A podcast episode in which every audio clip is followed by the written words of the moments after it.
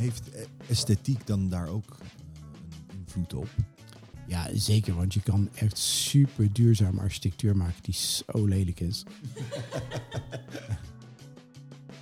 Welkom bij de Nieuwe Dokter podcast.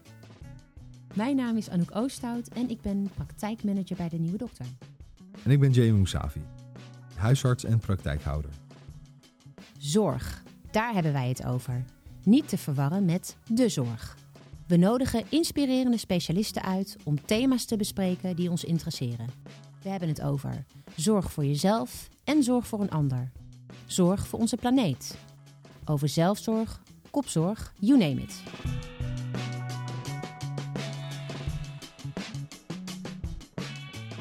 Michael Lucas.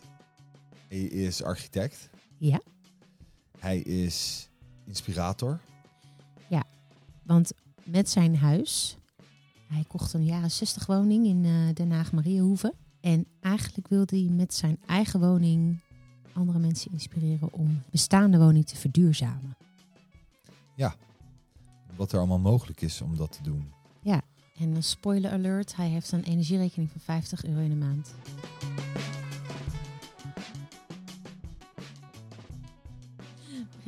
Ja, hoi. Goedemorgen. Goedemorgen. Je eerste podcast dus. Mijn eerste podcast, inderdaad. Ja. Ja. leuk om ook mee te maken. Ja, ja want je, je zat net al eh, even kort te vertellen aan ons dat je dat wij ni- niet de eerste, het eerste medium zijn, zeg maar, wat Nee. jou bevraagt over eh, nou, waarom we hier zijn. Maar wie waren er al allemaal over de vloer geweest, zei je? Ehm, tijdens de verbouwing van onze huis eh, zijn we gevolgd door RTL 4. Dus die hebben eh, acht weken lang hebben ze hier eh, opnames gemaakt. Ehm, wij hebben eh, de lokale omroep. Speelgoed valt om hier. Ehm, we hebben lokale omroep TV West hier gehad voor, voor opnames. Ehm, eh, AD is hier geweest op bezoek met, met een minister bij lancering van een ehm, energie en een nationaal energiebesparende actie voor, voor eh woning-eigenaren. Ehm, en eh, het meest recente was, eh, was een, een financial influencer van, van Instagram die hier is langsgekomen om, om te praten over de keuzes die wij gemaakt hadden en, en wat dat opleverde. En hoe zijn ze jou dan op het spoor gekomen? Ehm, eh, ik, ben, ik ben architect. Ehm, eh, dus eh, toen eh, mijn vrouw en ik op zoek gingen naar een huis, zij had bepaalde ideeën van wat ze wilde hebben. En ik zei, alles is goed, maar het huis moet een to- totale bouwval zijn. Omdat ik wil kijken hoe ver het mogelijk is, hoe ver mogelijk je kan gaan met verduurzamingsmaatregelen. En lukt het om helemaal energie-neutraal te worden. Ehm, en dat is, dat is terug in, in 2015. En ehm, de gemeente we zijn in contact gekomen met de gemeente. En die hebben gezegd, nou, wij, wij gaan jullie adopteren als eh, een van onze eh, verhalen over verduurzaming in Den Haag. En zodoende is de bal een beetje gaan rollen. Want via de gemeente is dan weer eh, eh, RTL 4 eh, bijgekomen. En, en dat, dat blijft eh, tot aan eh, vandaag eh, nog, nog dingen opleveren. Ja, ik wil, ik wil eigenlijk starten met jou te bedanken dat we in jouw huis mogen komen zitten. Ja, graag om, gedaan. om deze podcast op te nemen. En wat mij dus opvalt, en waar ik super blij om ben, is dat het overal hetzelfde verhaal is. Ja, iedereen met kinderen heeft gewoon een pleurisbende Ja, klopt. aan speelgoed. Ja. en dat, dat geeft me dan weer wat, wat moed om door te gaan. Ja, speelgoed. Wij, wij, onze, onze kinderen zijn leven, dezelfde leeftijden. Dus eh, ehm, eh, je probeert dat speelgoed zo goed mogelijk onder controle te houden. Maar het is een illusie. hey, ik merk ook nog iets, is dat je een eh, apart accent hebt. Ja. Waar kom je vandaan? Ik was in Australië geboren. Ik heb tot mijn dertiende in Australië gewoond. Ehm, mijn ouders zijn dan naar Europa verhuisd. We hebben eerst een paar jaar in Frankrijk gewoond. En daarna zijn we naar Nederland verhuisd. Dus ik kwam voor het eerst naar Nederland toe op mijn vijftiende. En ik heb van mijn vijftiende tot mijn twintigste hier gewoond. Maar toen zat ik in de expat-bubbel. En dan maakt het eigenlijk niet uit waar ter wereld je woont. Want de expat-bubbel is overal hetzelfde. En de land is een soort van toneelachtergrond.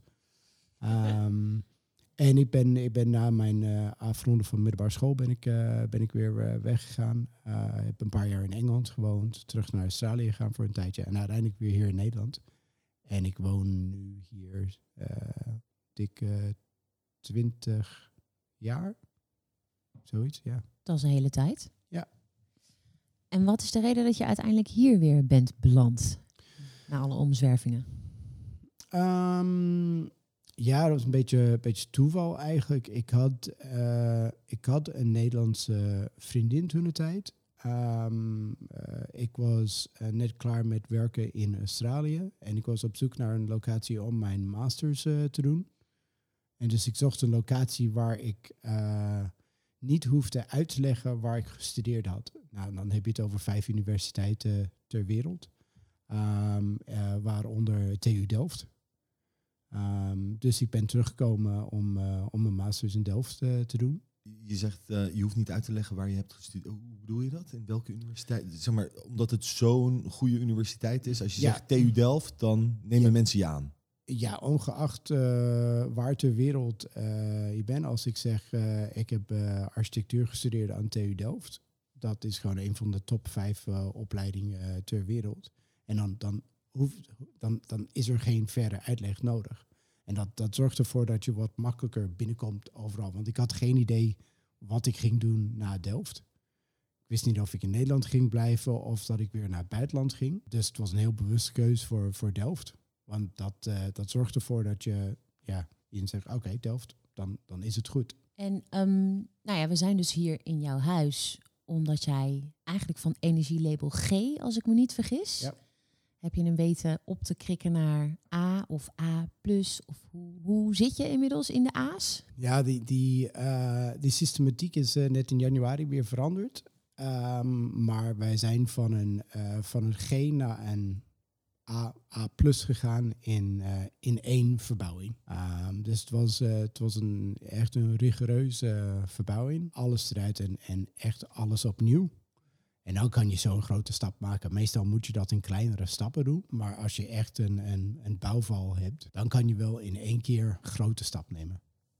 En die RTL-programma, was dat uh, Help Mijn Man is uh, Klusser? Of, uh... Nee, oh. nee, gelukkig niet. Nee, ik ben ook niet zo'n held in klussen. Maar uh, nee, dat was Onze Huis Verdient Het. Dat was een, een van de vroege televisieprogramma's over mensen die bezig waren met het verduurzamen van hun woning. Dus in 2015 was het nog. Uh, kijk, duurzaamheid is nu echt overal. Het wordt ook gewoon uh, gemeengoed in alle marketing en alles. Je kan niet een verhaal vertellen zonder te vertellen hoe duurzaam je bent. Maar in, in 2015, waar, wanneer we hiermee bezig waren, waren nog heel weinig mensen buiten de duurzaamheidsbubbel in Nederland die, die ermee bezig waren. Um, en dat was een, het was een vroeg televisieprogramma en dat volgde mensen die, eh, die een hele hoog ambitieniveau hadden op het eh, gebied van duurzaamheid. En kijken of het, of het lukt en wat je allemaal tegenkomt. Wanneer is voor jou eigenlijk um, het, dat, dat thema uh, bij jou gaan landen? Van hey, dit vind ik interessant, hier wil ik iets mee. Ik ben er wel heel bewust van geworden uh, richting eind middelbare school. Ik, ik wist dat ik, uh, rond mijn vijftiende wist ik dat ik architect wilde worden. Dan ben ik me een beetje gaan verdiepen in, in wat dat inhoudde en, en wat de verschillende stromingen waren. En ik kwam in aanmerking met een, uh, met een Amerikaanse architect, een beroemde Amerikaanse architect, of misschien de meest beroemde Amerikaanse architect van de vorige eeuw, Frank Lloyd Wright.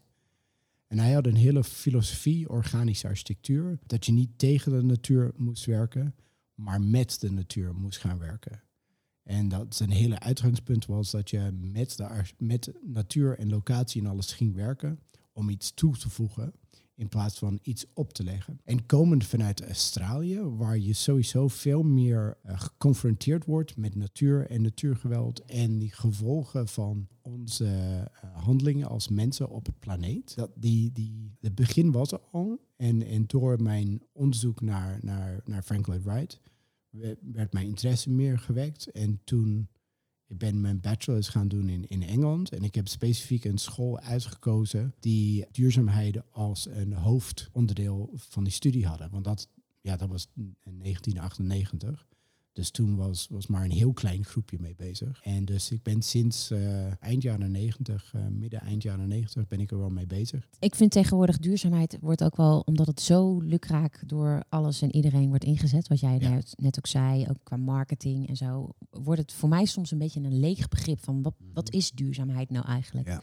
Wat betekent het voor jou? Voor mij is het een kwestie van uh, rentmeesterschap. De meest algemeen geaccepteerde definitie van, uh, van duurzaamheid, van sustainability, komt uit een, uh, een VN-rapport, de Brundtland Report. En dat zegt dat wij een kwaliteit van leven ophouden, maar dat wij, dat wij niet de kwaliteit van leven van de volgende generaties benadelen. Dus je moet bewust zijn van wat je nu aan het doen bent en dat dat geen schade richt voor jou, in mijn geval mijn kinderen of later misschien kleinkinderen. Eh. Dus het, gaat erom dat je zorgt voor wat je gebruikt. Het is niet van jou. Je hebt het in bruikleen. En als je bijvoorbeeld, als ik, als ik jouw uh, auto leent, bijvoorbeeld als je een auto hebt, of als, ik je, als je je telefoon even mag gebruiken, dan ben ik extra voorzichtig met daarmee, omdat het niet voor mij is. En ik weet dat ik er goed voor wil zorgen om het terug te geven.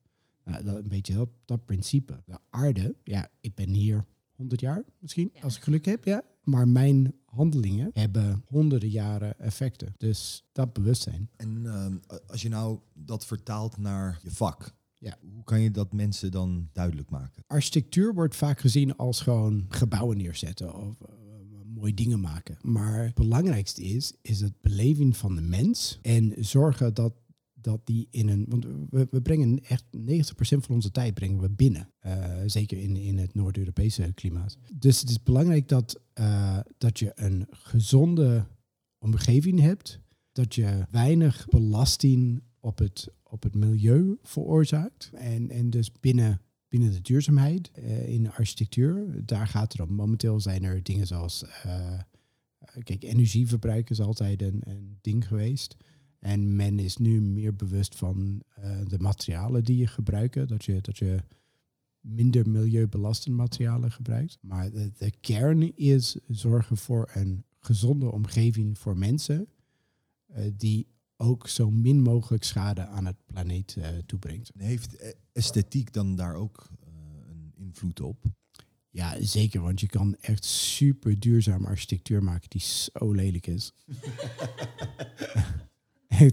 maar, maar, überhaupt is, is het natuurlijk gewoon ook smaak. Of je iets mooi vindt of niet, esthetiek blijft altijd een subjectief iets. En ik kan beargumenteren waarom ik iets mooi vind. Uh, maar dat betekent niet dat iemand anders dat mooi gaat vinden. Met architectuur, iedereen maakt een beetje zijn eigen ding. Uh, niet iedereen vindt alles mooi. Maar het is wel zo dat ook binnen de binnen duurzaamheid, um, soms is het heel duidelijk, dan schreeuwt het, ik ben duurzaam.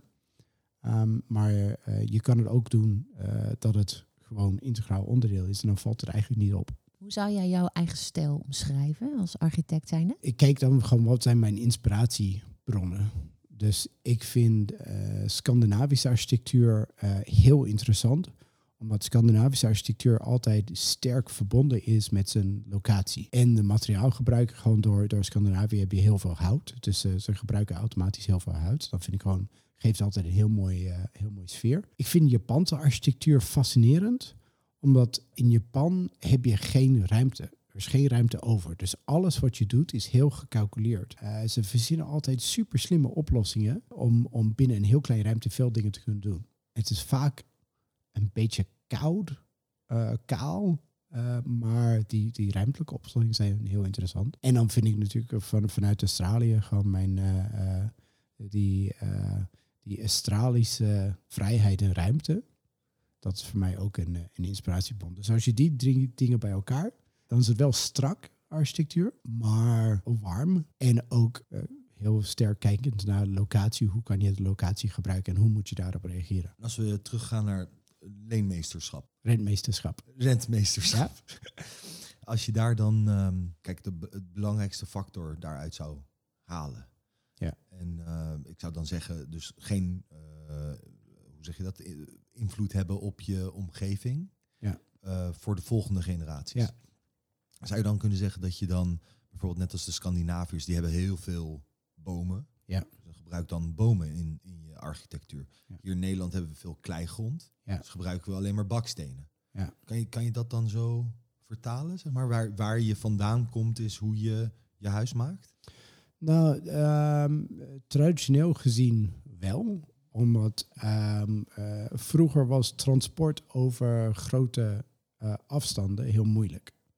Dus je gebruikte gewoon die materialen die je in je directe omgeving had.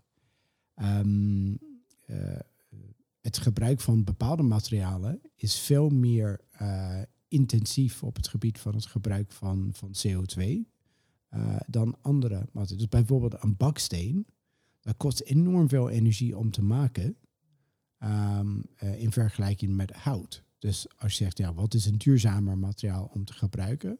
Nou, kan je beter bouwen met hout dan met baksteen. Uh, gewoon omdat hout, ja, hout slaat CO2 op. Uh, dus het is eigenlijk gewoon een soort, het heeft een negatief emissie, zoals ze dat noemen. Dus een, een positief effect op het milieu. Um, dus dat, dat, dat maakt niet zozeer meer uit welke materialen je gebruikt, want het is niet meer uh, locatiegebonden. Maar uh, als je bezig bent met duurzaamheid, dan moet je wel goed uh, kijken naar wat is die milieubelasting van de producten die ik gebruik. En dan slimme keuzes daarin maken. Je kan natuurlijk een prachtig mooi geproduceerd hout willen. Maar als je er vervolgens tienduizenden kilometers mee moet reizen om het dan hier te krijgen, dan is het ook weer. Dus zo kijk je dan ook, toch? Ja, wat, wat je, je hebt uh, binnen, uh, binnen de architectuur, of eigenlijk binnen alle producten, ze hebben iets wat heet een, uh, een levenscyclusanalyse. En dan wordt er gekeken naar een, een materiaal. En vanaf het moment dat het uit het natuur gehaald wordt, totdat je een eindproduct hebt. En dan kijken ze wat is, wat is de totale milieubelasting van dat product. En dat, dat wordt volgens een bepaalde methodiek gedaan. Dus dan kan je gewoon, dan is het niet appels en peren meer vergelijken. Je kan echt zeggen, oké, één op één vergelijken. Welke materiaal is de beste keuze? En soms is het ook gewoon een esthetische keuze binnen architectuur. Hoor. Dat je alleen maar bouwen met hout is prachtig. En ik vind het een heel mooi materiaal. Maar het heeft wel wat beperkingen. En dan kies je soms bewust voor toevoegen van staal bijvoorbeeld. Of het gebruiken van beton. Dus het is altijd een, een, een snijvlak van, van uh, esthetiek en milieu uh, minder belastend is. Als je, als je dan um, puur architectonisch bekijkt, zo'n huis, dan kan je bij bepaalde delen van het huis geen hout gebruiken. En bepaalde delen juist wel. Of zie ik dat verkeerd? Als je kijkt naar, naar een, een gemiddelde Nederlandse rijtjeshuis bijvoorbeeld. Um, wij zitten hier nu in een rijtjeshuis van twee verdiepingen hoog. Er is geen enkel reden waarom dat niet volledig uit hout gebouwd kan worden. Omdat die weggeblazen wordt misschien door. Nee, hout is, hout is gewoon. Kijk, constructieve dingen kan je altijd oplossen. Sommige materialen uh, zijn. Kijk, de, de, sterkte van een materiaal hangt af van hoe je het gebruikt. En sommige materialen zijn goed als je ze trekken. Sommige materialen zijn goed als je ze uh, probeert te, te, duwen. En elke materiaal heeft, zijn, heeft zijn eigen, eigen uh, manier van werken. Maar je, kan, ja, je, je kan bijna elke huis in Nederland zou je gewoon van hout kunnen maken. En dat zie je nu heel veel van die grote bouwondernemingen. Die zijn aan het overschakelen van het gebruik van beton naar het gebruik van hout als de basismateriaal voor het bouwen van hun woningen. En je kan het aan de buitenzijde met bepaalde ander materiaal afwerken. Bijna alles kan je wel gewoon van hout maken. Dus, uh, dus dat, dat, dat maakt niet meer.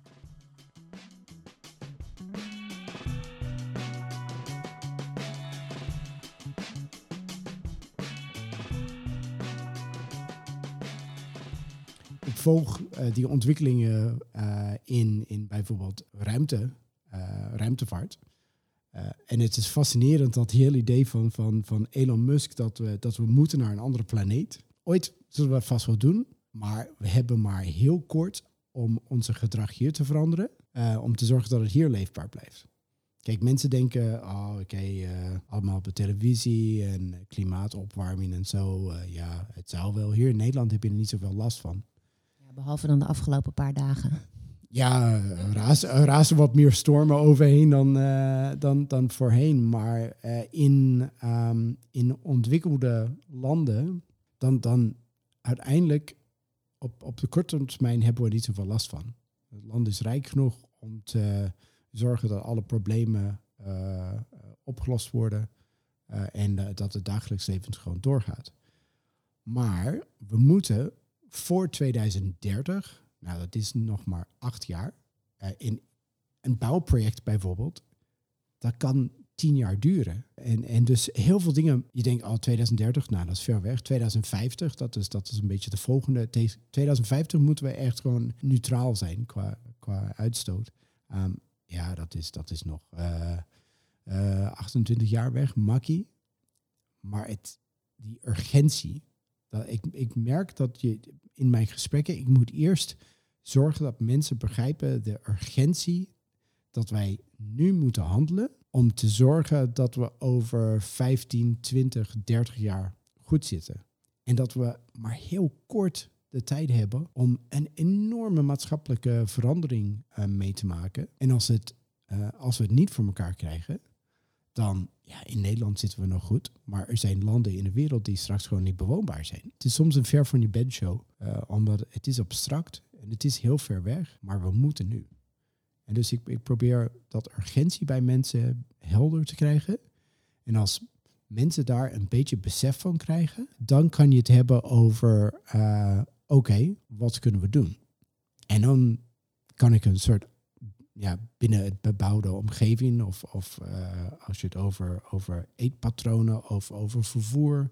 Er zijn allerlei dingen die je kan doen om het leefbaarheid van de planeet te, te behouden waar mensen nu in ieder geval uh, heel concreet iets merken over urgentie, is natuurlijk je energierekening. Zo, niet normaal. Want dat is echt geen, uh, geen kattenpis, om het even zo te zeggen. ja, nee, dat is echt. Dus, maar dan voelen mensen het vooral in hun portemonnee. Dus dan is het nog steeds niet een soort van besef of een intrinsieke motivatie van oké, wij moeten ook iets gaan doen.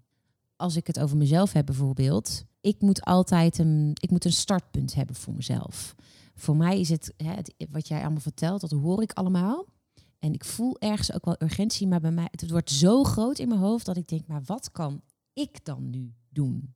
Dus als ik nu aan jou zou vragen, wat kan ik nu in kleine stapjes doen hè, om zo'n duurzaam leven? En dan misschien meer op, op, het, uh, op, het, op het vlak van een huis. Uh, maar wat kan ik bijvoorbeeld vandaag of morgen al regelen? Kijk, er zijn drie drie hoofdthema's waar je heel snel direct een verschil kan maken. Dat is je dieet, je vervoer en hoe je zelf in huis energie gebruikt. Als je het over dieet hebt, dat is heel simpel het verminderen van de hoeveelheid vlees die je eet. Meer niet, gewoon check. Als je het over vervoer hebt, dan is het fietsen als het kan, zo niet openbaar vervoer. En als dat niet werkt, dan ga je kijken naar een auto. En als je dat aanhoudt, dan zorg je ook dat je, als je een fietsen bent, dan is er geen eh, CO2-uitstoot. Als je met openbaar vervoer reist, NS is sowieso al een paar jaar volledig uh, gewoon op windenergie. En uh, de, de stad- en streekvervoer, dat wordt langzamerhand allemaal elektrisch. Dus dan is je uitstoot ook weinig. En dan als het niet lukt, dan ga je voor een auto. Want soms heb je dat ook gewoon nodig. Elektrisch als het kan, dat is helemaal goed. Maar dat kan niet altijd. En als je kijkt naar je huis, nou, ik zou zeggen, de eerste ding dat iedereen uh, gewoon direct moet doen naar het luisteren van deze podcast, is um, het kopen van een waterbesparende douchekop. Nummer 1, kost je een goede waterbesparende douchekop, kost je 60 euro. Dat heb je binnen een half jaar terugverdiend door minder gebruik van water en minder gebruik van gas dat kan, hangt een beetje van je gezinssamenstelling af, maar dat kan 15% reductie op je gasverbruik leveren op een jaarbasis. Dus dat, dat, is, dat is veel. En dat is, dat is gewoon een kleine investering. Een, een overgroot deel van de Nederlandse bevolking die kan 60 euro gewoon uitgeven zonder, een, uh, zonder probleem. Dus dat is, dat is een eerste stap. Alle je verlichting in huis vervangen met LED-verlichting tegenwoordig uh, kan je gewoon, ledverlichting gewoon heel goed. Toen wij hier, toen, toen ik eerst mee begon uh, met, met ledverlichting, was, was het soms echt gewoon heel lelijke kleuren en je krijgt het niet gezellig en dat soort dingen. Maar, maar wij zitten in een ruimte waar alleen maar ledverlichting is en, en het is een mooi warm licht. Dus Dus eh, dat is ook wel. Ik denk dat als je je hele huis, als je geen enkel LED-lampje hebt in je huis en je schakelt van, dan kun je gewoon direct bestellen online. Morgen heb je het allemaal in huis. Nou, je betaalt zeg maar een, een misschien eh, tussen 5 en 10 euro per lampje. Dat, dat bespaart ook direct op je, op je elektra. Het grootste ding in je huis is, is altijd het verwarmen van je huis. Meer dan 55, 60 procent van je energierekening is, is verwarmen van je huis. En, en dan ga je kijken van oké, eh, hoe kan je dat beter doen? Nou, dan verwarm je de ruimtes die je gebruikt. Dus zorg dat uh, bijvoorbeeld in de slaapkamers en zo, dat, uh, dat die radiatoren zo goed als dichtgedraaid zijn. Zorg dat als je een deur hebt in je woonkamer, dat die deur gewoon dicht is als je hier zit, want dan komt er geen koud in, gaat er geen warmte weg. En dan zijn er allerlei stapjes die je kan doen, maar dit zijn wel de dingen die je direct, ja, een, een graad koeler op je verwarming en dan, dat betekent dat je, dat je overdag thuis soms een trui draagt op een koude dag in de winter. Maar dat zorgt ook voor een, voor een flinke besparing. Hoe ga jij met je besparingen, Jamie? Weet je, we hebben, we hebben dus uh, dubbele beglazing nu. Ja. Overal in het huis. Maar dan op bepaalde delen niet waar glas in lood zit. Ja. Maar dat is de volgende project in mijn, in mijn eigen huis. Verder hebben we, even kijken hoor, een duurzame ketel. We hebben duurzame apparatuur in huis, bijvoorbeeld uh, vaatwasser, wasmachine, droger. Dat zijn allemaal, hoe zeg je dat? Uh, Hoge energielabels. Exact. Ja. We hebben LED-verlichting, dus alle lampen zijn LED. Ja. Uh, ik eet persoonlijk veel minder vlees, of in ieder geval dierlijke producten, laat ik het zo zeggen. Als het een dierlijk product is, dan probeer ik zo biologisch mogelijk te eten. Ik heb een bakfiets. Daar probeer ik de kinderen zoveel mogelijk in te vervoeren. Maar goed, ik pak ook zo nu en dan de auto naar werk. Ik ook. Maar goed, dat, dat, ik bedoel, iedereen kan verbeteren. Ja, het, er zijn altijd verbeteringen. Ik bedoel, als ik uh, af en toe uh, uh, voor de gein probeer ik mijn CO2-footprint uit te rekenen. Ik gebruik nog meer dan, dan het zou moeten. En dan denk je van, oh man, hoe gaan we nu... dus er zijn altijd verbeteringen, maar dat moet nooit een belemmering zijn. Het is een, ik, ik zie het als een, als een uitdaging, want ik wil... Iets wat belangrijk is, is dat je moet bewust zijn dat het niet een, een inlevering op kwaliteit van leven het is gewoon andere keuzes maken die zorgen ervoor dat onze levenskwaliteit behouden wordt. Maar dat ook uh, gewoon uh, we zorgen dat onze, onze volgende generaties ook gewoon goed kunnen leven.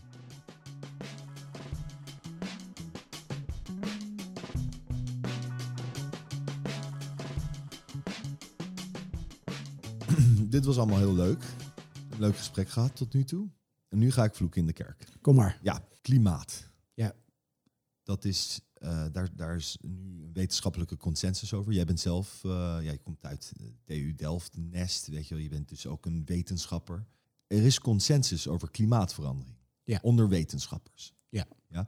Maar er zijn dus altijd mensen die zeggen klimaat, dat is alomvattend. Ja. Dat kan je niet wetenschappelijk aantoonbaar maken. Dat kan je niet in proefjes stoppen. Dat kan je niet.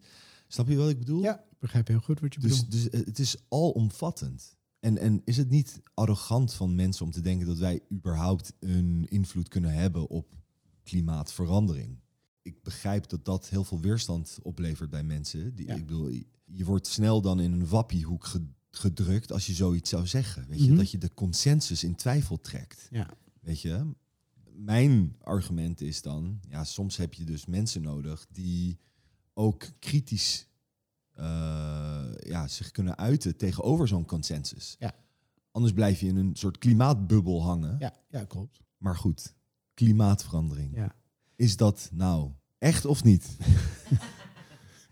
Ehm, eh, klimaat heeft altijd veranderd. Kijk, als je, als je teruggaat, ehm, wij kunnen terugrekenen, echt miljoenen jaren, hoeveel CO2 in die, in die atmosfeer is geweest. Dan, eh, dan boor je een diepe gat in, eh, in Antarctica of, eh, of de, de Noordpool, Zuidpool of Noordpool. En dan kunnen ze gewoon kijken in de ijs, hoeveel CO2 staat erin. En het schommelt altijd. Het, is, het is een soort golfbeweging tot 1870 of zo. Dan, dan, dan begon het niet meer zozeer een golfbeweging, Maar begon het gewoon omhoog te gaan. Want ja, eind, uh, eind 19e eeuw, de industriële revolutie. Toen ineens uh, ontdekten wij als mensheid dat je machines konden bouwen. En je kon uh, dingen verbranden en zorgen dat de machines gingen werken. En, en we begonnen heel veel te uitstoten. Dat deden we daarvoor ook, maar op een veel kleinere schaal. En sinds die periode stijgt de hoeveelheid CO2 alleen maar. En op een ongekend uh, niveau. Als je, als je dat hele lijn bekijkt van dat hele grafiek van, van die, van die CO2-niveau, dan 90% van dat, van dat grafiek is, is een heel klein schommeling, een beetje hoog-laag. Dan heb je zo'n ijstijd, dan is het weer warm. En dan ineens gaat het verticaal. En er is geen andere wetenschappelijke verklaring voor waarom dat plaats heeft gevonden dan die invloed van uh, mens. Omdat die schommelingen zijn er altijd geweest. En die schommelingen zijn altijd weer uitgevlakt en dan weer hoog omlaag. Uh, maar sinds eind 19e eeuw dan is het echt gewoon omhoog gaan gaan. En het blijft omhoog gaan, gaat nu ook gewoon omhoog. En dat is gekoppeld aan hoe wij dingen maken. Het gaat echt om maken van dingen. Dat veroorzaakt CO2. Dus ik snap, uh, ik vind het goed zijn om kritisch te zijn. Ik vind het altijd goed om, om, als je iets hoort, dan denk je van ja, waar komt dit vandaan? Wie is dit mij aan het vertellen? Wat is hun referentiekader daarachter? En wat zeggen andere mensen erover? Maar op een bepaald moment, uh, zeker binnen klimaatverandering, jij zei dat klimaat is gewoon echt allesomvattend. Dus ja, het is een heel complex systeem. En die rapporten van, van de VN, die, die climate reports, uh, die zijn maar sinds, sinds de jaren negentig zijn ze mee bezig.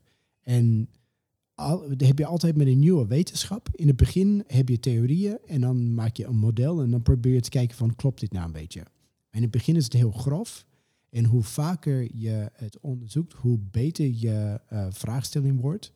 En hoe beter je kan voorspellen hoe iets gaat gebeuren. Want we zijn nog altijd aan het voorspellen wat gaat er gebeuren. Maar de zekerheid van klimaatwetenschap heeft hetzelfde niveau gekregen als de zekerheid van uh, zwaartekracht. Wetenschappelijk gezien.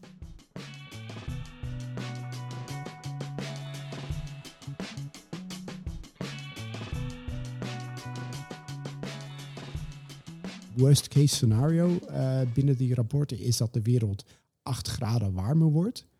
Um, en dan is echt, dat is, dat is catastrofaal. Dat, uh, dan, dan verdwijnt de helft van de mensheid. Maar de kans dat dat gebeurt is echt heel klein. Dus ze kunnen heel goed uh, voorspellen wat wij nu moeten doen om te zorgen dat het over 100 jaar gewoon goed is. Nou, je had het net over hè, of wij überhaupt als mens invloed hebben daarop. Nou, ik, ik geloof van wel in ieder geval dat je überhaupt al bezig bent met wat neem ik, wat geef ik terug. Maar we hebben natuurlijk ook een overheid. Ja. Waar laat de overheid op dit moment volgens jou echt ontzettend kansen liggen? Inherent aan een overheid is dat het traag is. Het, is een, logisch systeem. Het, het overheid is een olietanker. Een enorme containerschip. Uh, die, uh, het kan heel veel, maar het, uh, het beweegt heel moeilijk van, van richting. En politici in een, in een ideale wereld zijn ze bezig met het zorgen voor een goed werkende maatschappij. Maar in de werkelijkheid kunnen ze een paar jaar gewoon werken en dan moeten ze gaan nadenken over de volgende verkiezingen en welke standpunten gaan we innemen. En dat zijn niet altijd de standpunten die uh, wetenschappers zeggen noodzakelijk zijn om klimaatverandering te beperken. Uh, neem bijvoorbeeld iets wat binnenkort gaat gebeuren, binnenkort, nou binnen een paar jaar, um, rekening rijden. Dat gaat iedereen raken die uh, met een auto rijdt. En rekening rijden is al binnen een wetenschappelijke klimaatwereld al wat zou het zijn, uh, 10, misschien 15 jaar bekend als een van de, een van de effectieve manieren om CO2-uitstoot te verminderen. Maar politiek gezien was het ongewenst. En het duurt heel lang voordat zoiets acceptabel wordt. Dus, dus het, het lastig van een, van een overheid is dat het is gewoon een trage systeem. Wij moeten eigenlijk snel handelen en dat, dat lukt niet altijd. En dat zie je nu met uh, in de afgelopen vijf jaar zijn er bijvoorbeeld um, organisaties, uh, NGO's, die de overheid voor de rechter gesleept hebben. Om te zeggen, kijk, dit is wat er moet gebeuren. Jullie moeten nu gaan handelen. En ze hebben tot nu toe gewonnen. Uh, de overheid. Doe jij op Urgenda? ja, onder andere. Kijk, Urgenda was een van de eerste rechtszaken ter wereld waar een organisatie de overheid voor de rechter sleepte en die zei: Jij als overheid zorgt niet voor mensen, dat is je kerntaak. Dus we dwingen het rechtelijk af dat je dat wel moet doen. Want dat was hun argument. Hun argument was: de overheid heeft een plicht om te zorgen voor mensen. Door niet in te grijpen met klimaatverandering, faal je daarin. En op die manier kan je rechtelijk gezien dat forceren. En, en dat heeft ertoe geleid dat overal ter wereld wordt er nu rechtszaken gevoerd op hetzelfde argumentatie.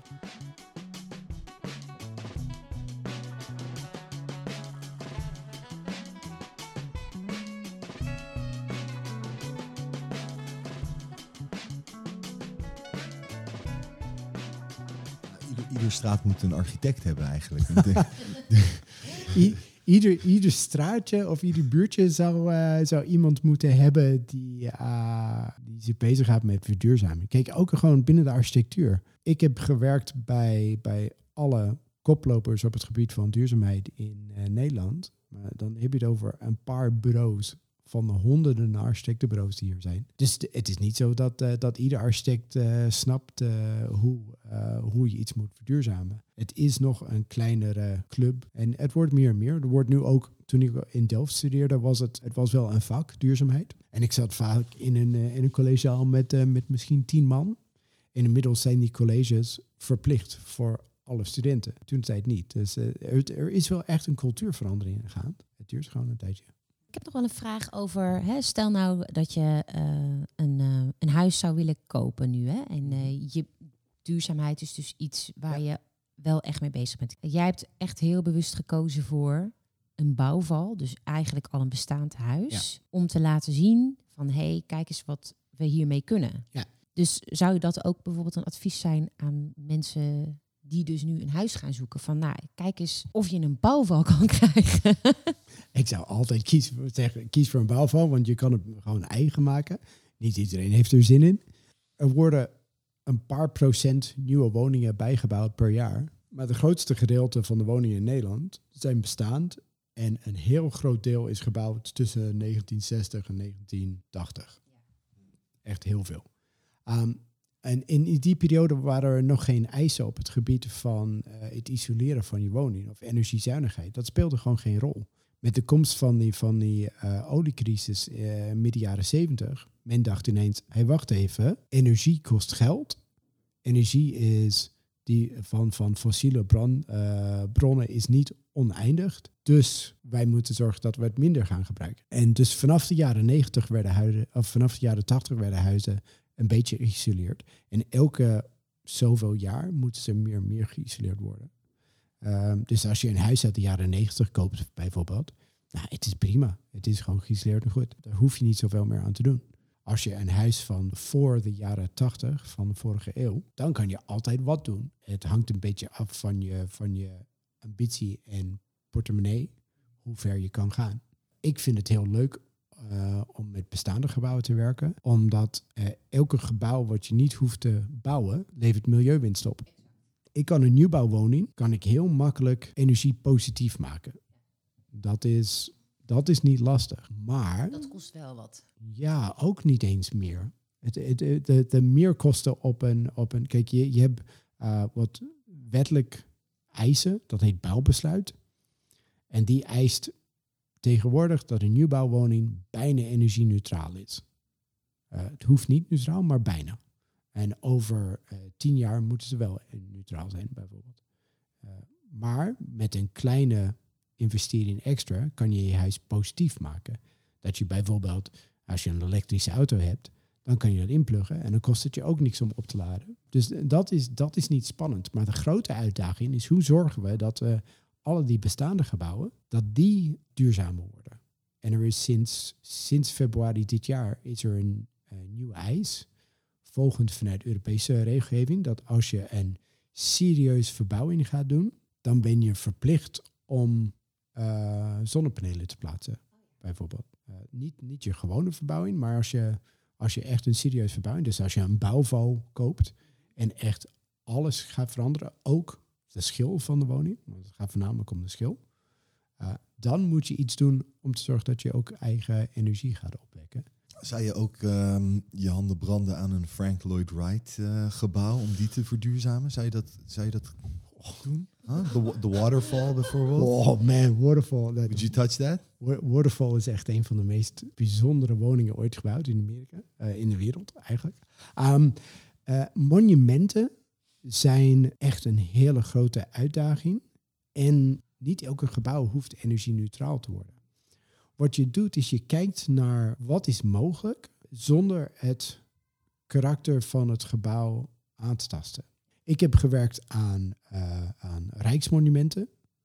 De oudste gebouw die ik verduurzaamd was uit 1611. Dat is een pand in Leiden. Ehm, en dan gingen we kijken naar wat, wat kunnen we doen eh, om te zorgen dat, dat het gebouw veel duurzaam wordt. En er zijn, je kan bijvoorbeeld andere glas in die kozijnen zetten, maar je kan geen trippelglas. Maar je kan wel vacuümglas. Nou, en dat is, dat is heel dun glas, wat past in de oude kozijnen van, van 500 jaar oud. Ehm, en dat zorgt ervoor dat je, dat je vele beter bent dan, dan dat enkelglas. Dus elke gebouw heeft kansen. En soms lukt het ook om, eh, om helemaal energie-neutraal te worden, maar niet overal. Het gaat erom dat wij over de hele voorraad, dat we verbruik gaat afnemen. Dat is het belangrijkst. En niet ieder gek hoeft te proberen te bereiken wat wij hier gedaan hebben.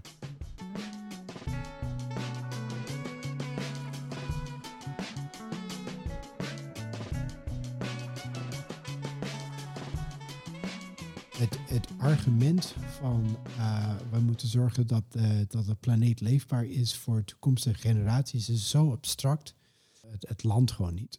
Maar als ik zeg, eh, nou, zit jij momenteel in je woning in de winter naast je, naast je raam en, en heb je het comfortabel? Nee, er komt koude lucht en er het, het tocht en het is hier nooit behagelijk. Dan zeg ik, nou, laten we het over comfort en gezondheid hebben. Je, met zo'n verduurzamingstraject zorg je ervoor dat je huis comfortabel wordt, dat het gezonder wordt. En als bijkomende voordeel heb je ook een lagere energierekening. Ik heb nog wel een vraag. Ik zat gisteren met mijn man in de auto en ehm, toen hadden we het over eh, elektrisch rijden. En nou ja, ook in huis natuurlijk over op eh, elektra. eh, nou ja, maar ook dat moet natuurlijk ergens opgewekt worden. En nou ja, zonnepanelen op je dak, eh, windmolens, eh, zonnepanelen, hele velden vol. Ja. Daar is op een gegeven moment denk ik ook wel een limiet aan. Ja. Dus wat is, denk je, eh, daarin op een gegeven moment de toekomst? Ehm, kijk, onze, onze energielevering wordt elke jaar duurzamer. Ehm, eh, dus, en, en dat gaat de goede kant op. En de, de afspraken die gemaakt zijn, eh, dat, dat komt ook goed. Elke jaar wordt het, wordt het duurzamer.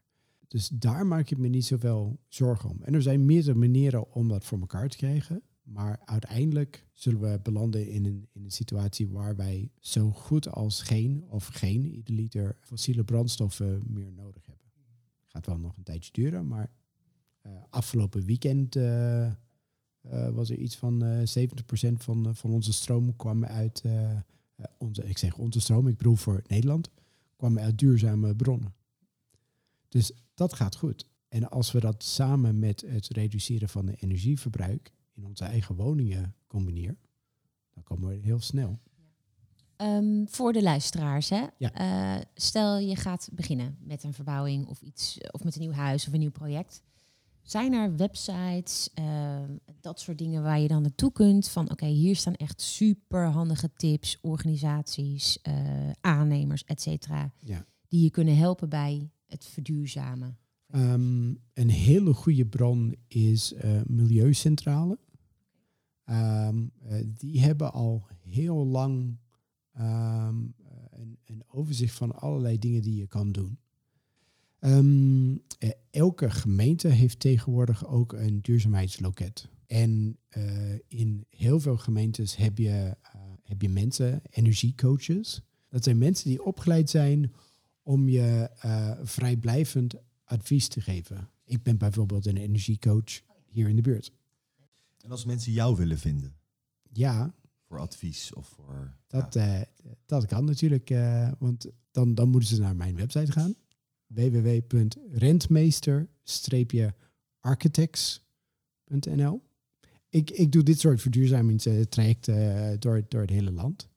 Ehm, en eh, ik hoop allerlei mensen met, eh, met het zorgen dat, eh, dat hun huizen gewoon eh, comfortabeler worden.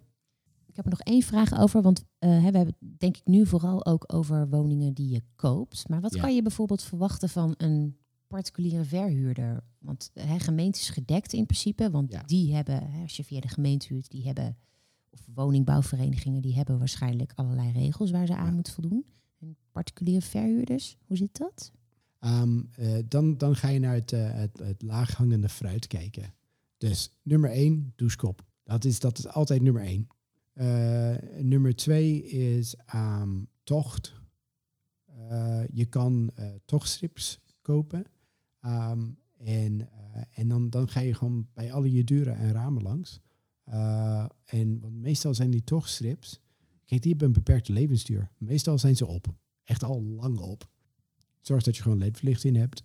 Ehm, dus voor huurders zijn, eh, zijn dat die eerste dingetjes in mijn hoofd die, die opkomen. Die zijn heel makkelijk te doen. Investering is ook niet groot. Ehm douchekap kan je meenemen naar je volgende woning. Verwarmen in de ruimtes waar je het nodig hebt. Ehm, en, en, en zorg dat je, dat, je, eh, dat je je huis niet op 21 graden doet, maar 19 of 20. Ehm, en dan, dan draag je ook gewoon een, een, een trui binnen. Oké, ehm, ik stel voor dat we het gaan afronden. Ja, wat, wat ik wil eh, meegeven aan de luisteraars ook, is dat wij deze we maken, we maken een podcast om aan te tonen, weet je wel, dat we ja, de factoren waar je zelf gezonder van wordt, dat je ja, iemand anders eh, weet je, gezonder kan maken en onze planeet gezonder kan Ja. maken. Eigenlijk wil ik ehm, aan jou dan, eh, ik wil jou bedanken eigenlijk, omdat jij al die drie dingen, die drie elementen bij elkaar brengt. Dus je zorgt en voor jezelf, je zorgt voor een ander, omdat je ons planeet doorgeeft. En, en je zorgt dus in beginsel voor ons planeet. Dus namens alle luisteraars wil ik je bedanken. Je bent een perfecte podcastgast voor, eh, deze, voor ons thema. Ja, ik, ik ben blij om dat te horen. Ja, ik, ik hoop dat ik, dat, ik, dat ik zoveel mogelijk mensen kan eh, inspireren. Mijn, ik, ik wil niet alleen maar met, met gebouwtjes bezig zijn. Ik wil gewoon eh, mensen laten zien eh, dat het, het, het hoeft niet moeilijk te zijn. Je kan ook met kleine dingen, het hoeft niet allemaal tegelijkertijd. Maak gewoon stapjes. En stapje bij stapje worden we allemaal beter van. En eh, dat, is het, dat is het mooie van.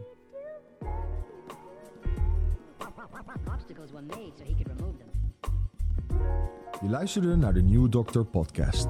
Volg ons op Spotify voor updates over nieuwe afleveringen. Ook op Instagram, Facebook en LinkedIn is de Nieuwe Dokter te vinden. Heb je naar aanleiding van deze aflevering vragen? Schroom niet en mail naar info.nieuwedokter.nl